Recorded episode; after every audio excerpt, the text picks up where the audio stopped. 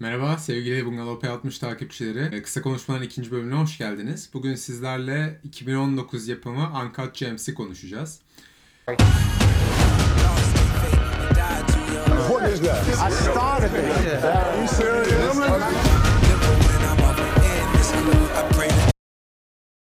Yönetmenliğini Safti kardeşler, Safti biraderler yapıyor. Ben Safti biraderlere bayılırım. Ee, kısaca tanıtayım hani Amerikan bağımsız sinemasının aslında önemli yönetmenlerinden sayılabilir. Ee, ben biraz geç tanıştım. Yani Good Time filmleriyle tanışmıştım. Yanılmıyorsam 2017 yapımıydı. Ee, film ekiminde izlemiştim ve salondan inanılmaz bir hayranlıkla çıktığımı hatırlıyorum. Yani hem Good Time'la ve sonrasında bence ustalık eserleri olan Uncut Gems'le birlikte bu Amerikan bağımsız sinemasının önemli önemli yönetmenleri statüsünün bir tık hatta belki de birkaç tık üstüne çıktılar ee, diye düşünüyorum.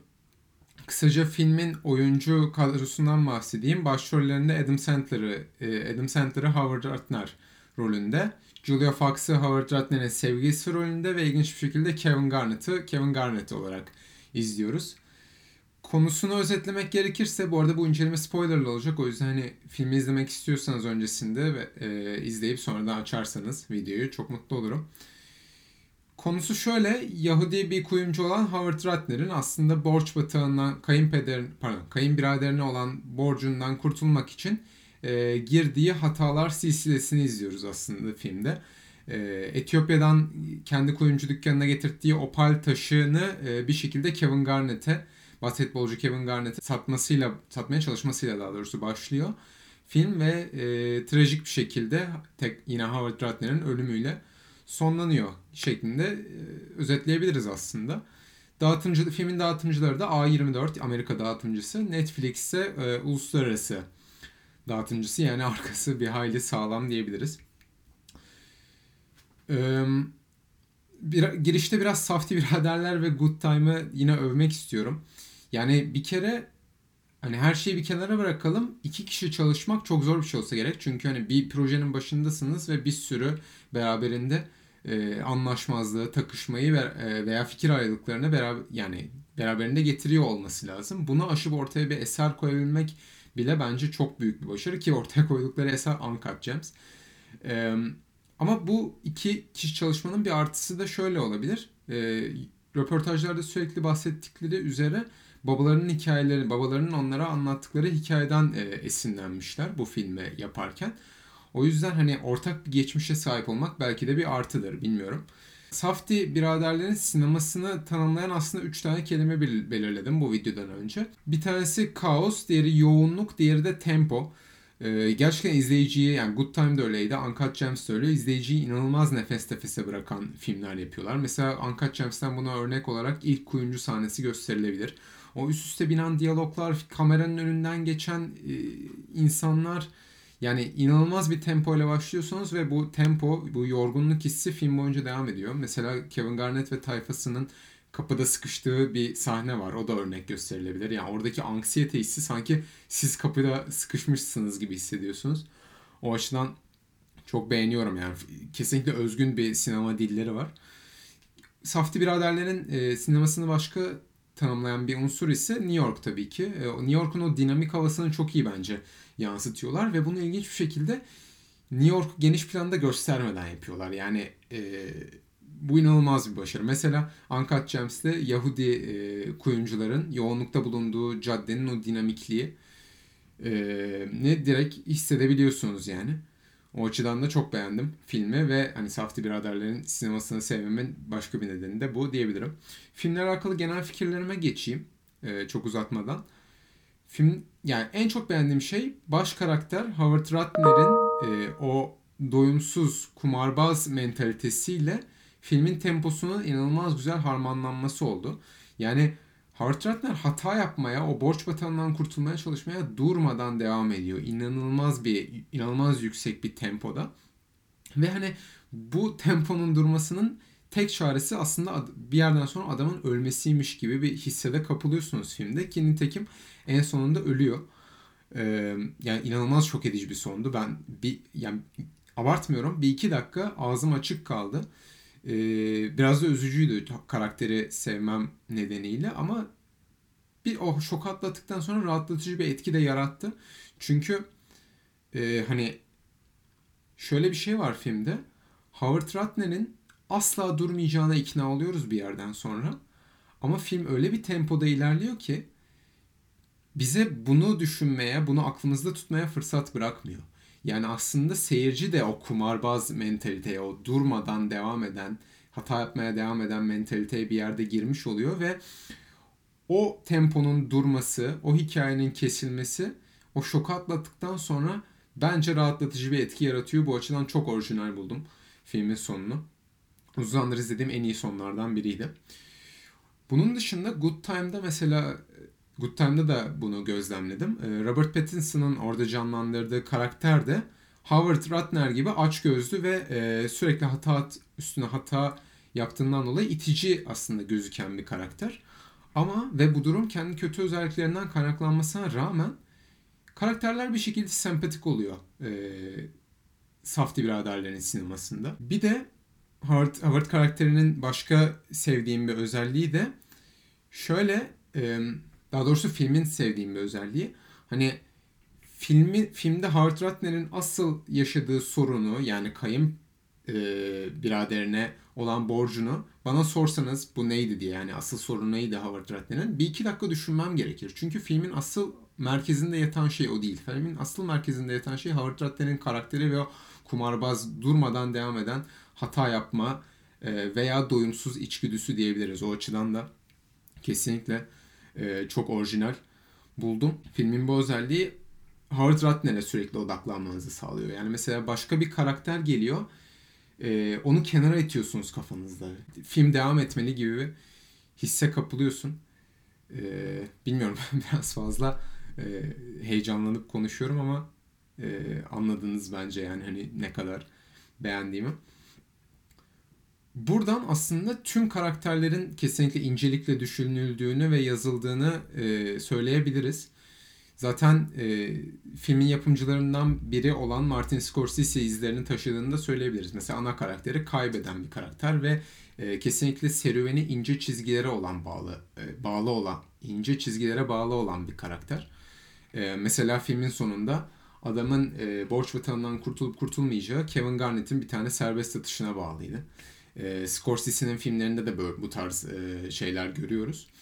O açıdan beğendim ama hani sırf ana karakter değil yan karakterler de kesinlikle çok incelikle düşünülmüş. Mesela Julia Fox'un canlandırdığı Howard Ratner'in sevgilisi e, olan karakter. Kevin Garnett'in e, Kevin Garnett bir kere inanılmaz bir gerçeklik katmış e, filme ve çok iyi oynuyor.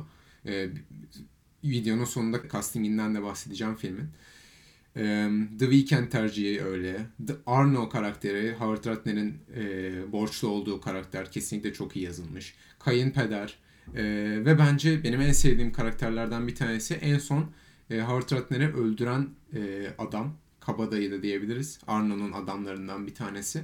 Yani filmde o kadar önemsiz bir karakter ki bence şunu e, ima ediyor Safti kardeşler. Yani önemli olan aslında Howard Ratner'i kimin öldürdüğü değil e, o kumarbaz e, daha doğrusu söylediğim o doyumsuz temponun e, sona ulaşması gibi bir şey ima ediyor olabilirler.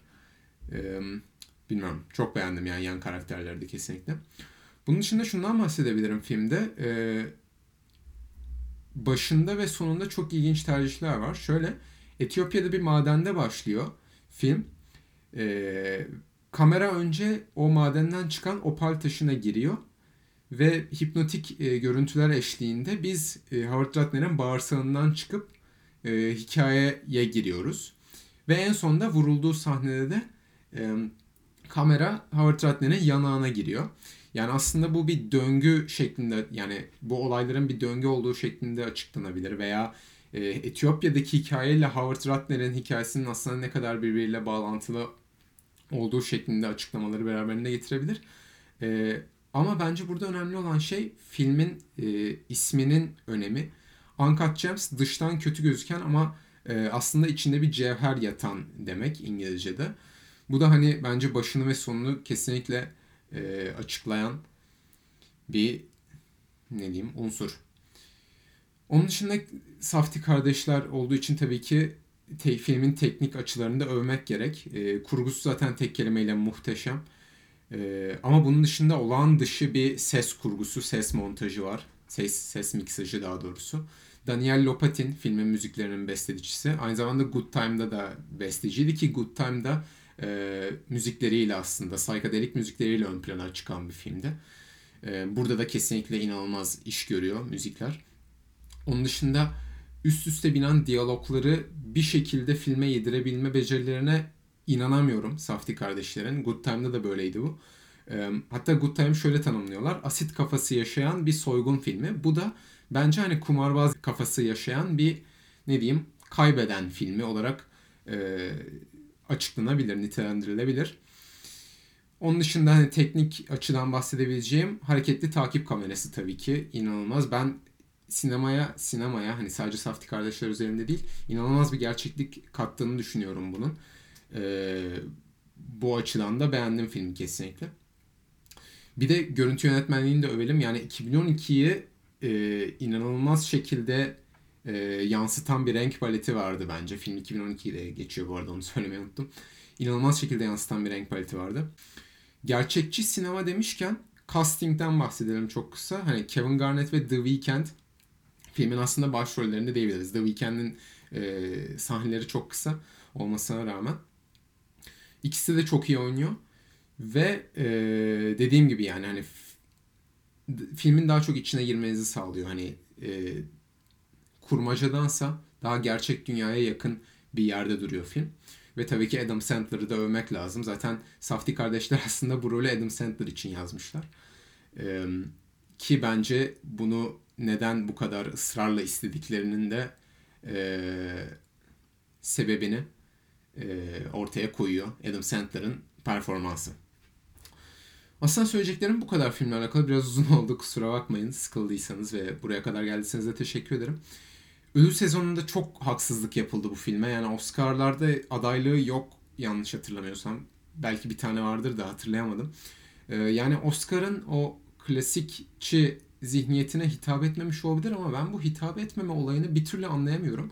Bana hitap etmeme değil de daha çok e, yeniliklere kapalı olma gibi bir şey gösteriyor. Yani Oscar'la veya bu filmi kesinlikle bir ödüle aday göstermeyen festivallerle alakalı. O açıdan biraz festivalleri suçlu buluyorum. Zaten e, filmin hani en önemli ödülü Bağımsız Ruh Festivali'nde en iyi erkek oyuncu alması Adam Sandler'ın. Bu da zaten aslında filmin durduğu noktayı e, ana akımın içinde olmasına rağmen ana akım sinemadan uzak dur, durduğunu e, gösteren bir e, bir şey. Evet aslında filmle alakalı diyeceklerim bu kadar. Ee, izlediğiniz için teşekkür ederim. Sizin benim söyledik, söylediklerimden başka düşünceleriniz varsa aşağı yazarsanız sevinirim. Ee, Uncut Gems hakkında konuşmaktan aşırı mutlu olurum yani. Çünkü bilmiyorum senenin Irishman'le birlikte belki de en iyi e, iki filmi iki filminden biri diyebilirim. İzlediğiniz için teşekkür ederim ve görüşürüz. Bay bay.